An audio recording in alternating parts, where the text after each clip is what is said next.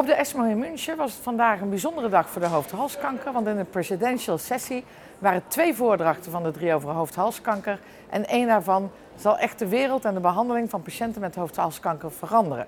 En over welke studie heb ik het dan? De eerste studie die ik wil bespreken is de Keynote 048-studie.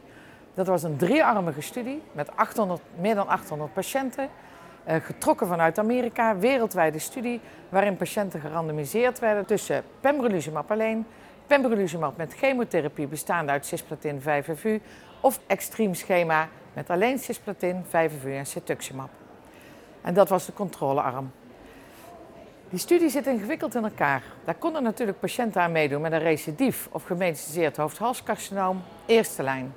En dan eigenlijk de inclusie zoals we altijd hebben, de vier belangrijkste sites mondholte, oropharynx, hypopharynx en larynx.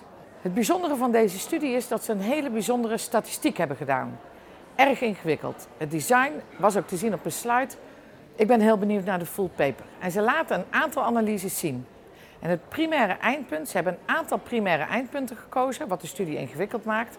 Overall survival, progressievrije overleving, allebei als primair eindpunt. En ze hebben dat dan gedaan met de CPS-score, dat is de combined PDL1-score van zowel tumorcellen en immuuncellen, uh, een percentage van meer dan 20, of groter of gelijk dan 20, groter of gelijk dan 1, of de hele populatie. Dat is al ingewikkeld. Wat we vandaag hebben gezien, is dat ze arm 1, pembrolizumab, alleen vergeleken hebben met het extreme schedule. En eigenlijk als toetje, verrassing, kregen we ook nog wat data erbij van de van de tweede analyse, en dat is arm 2, de combinatie chemo met pembrolizumab versus het extreem schema. Het grote nieuws allereerst zit in ieder geval, want die analyse kregen we grotendeels, het verschil tussen pembrolizumab alleen en het extreem schema. Want als je daar keek naar de overleving, en dat is echt nieuws, dit hebben we nog nooit gehad, extreem schema als controlearm, een mediane overleving van 10,7 maanden versus 14,9 maanden in de pembrolizumab alleen arm.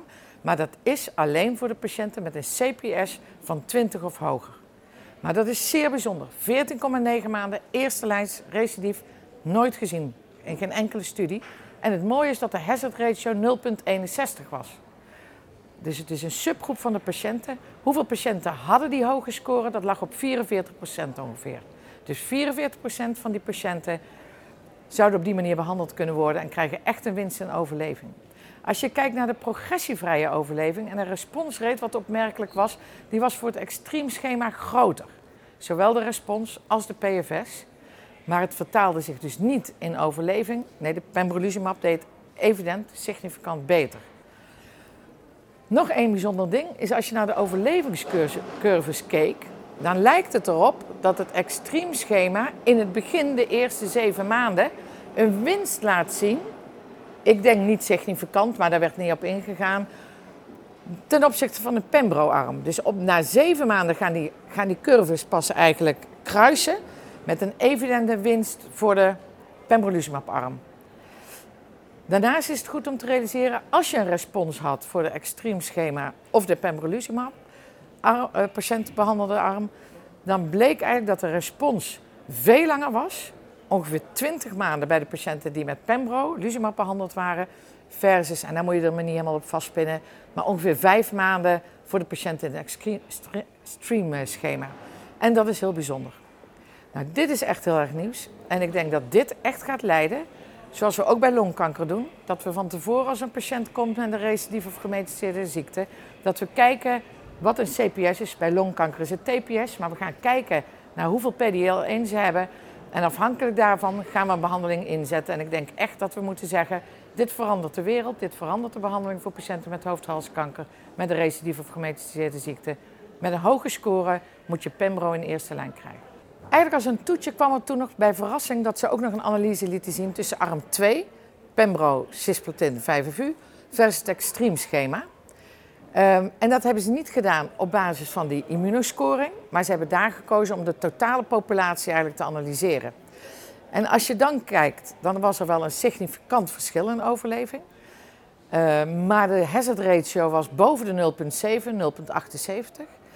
Uh, en het verschil in mediane overleving was weer die 10,7 maanden van de extreem versus ongeveer 12 maanden of 13 maanden voor de Pembro. Wat, niet ja, wat in ieder geval een niet laag genoeg hazard ratio heeft om nu al te zeggen bij deze follow-up, dit is echt practice changing. In, in Nederland heb ik het dan over, want het zou goed kunnen dat de FDA en EMA daar anders over gaan denken.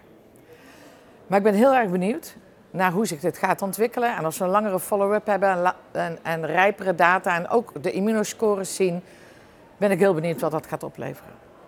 Ik denk dus dat dat echt nieuws is. De andere studie die ik heel graag wil bespreken is de de-escalate-studie. Uh, de de-escalate is een Engelse studie. En de de-escalate is een kleinere studie, ruim 300 patiënten. En het idee is dat de oropharynxcarcinoompatiënten, als ze zich presenteren en ze zijn HPV-positief, P16 positief en de tumor is dus veroorzaakt door het HPV-virus, dat die zo'n goede prognose hebben. Dat blijkt uit een analyse, die is meer dan 90%, wel 93%, dat we misschien wel die patiënten minder toxiciteit zouden kunnen geven. En toen is het idee ontstaan in Engeland, we doen een studie. En dat is wel heel bijzonder, want dat had een gek primair eindpunt. We doen een studie voor deze patiënten met een hele goede prognose. En dan gaan we kijken als we de therapie minder maken, of het dan minder toxisch is. In deze studie werd dus vergeleken de standaardarm cisplatin radiotherapie, wat een toxische behandeling is, versus cetuximab radiotherapie. En eigenlijk hebben we een bonnerstudie van jaren geleden, waarbij we dachten altijd dat de toxiciteit, acute toxiciteit van die cetuximab radiotherapie minder zou zijn. En dus hebben ze bij deze studie de toxiciteit als eindpunt genomen, secundaire effectiviteit. En het bijzondere was dat die toxiciteit absoluut niet schil, verschilde tussen beide armen. Evenveel acute toxiciteit, graad 3, 4 en 5. Geen verschil tussen cis-radiotherapie of cetuximab radiotherapie. Het aantal serious adverse events was iets hoger in de cisplatin-radiotherapie, maar verder absoluut geen verschil.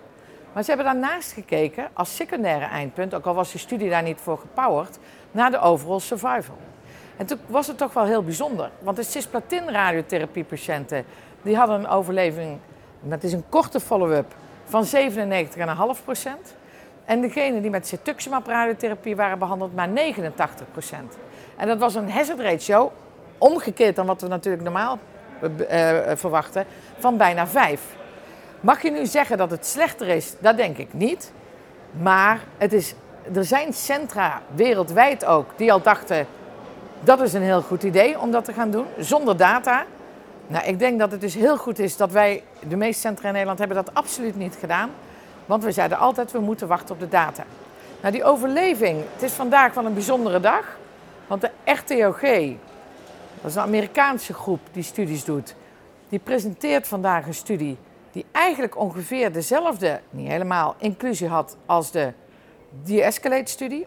Ook HPV-positieve oropharynxcarcinoom. Zij pakte het beter aan, want ze hadden meer patiënten, meer dan 800. Gerandomiseerde studie.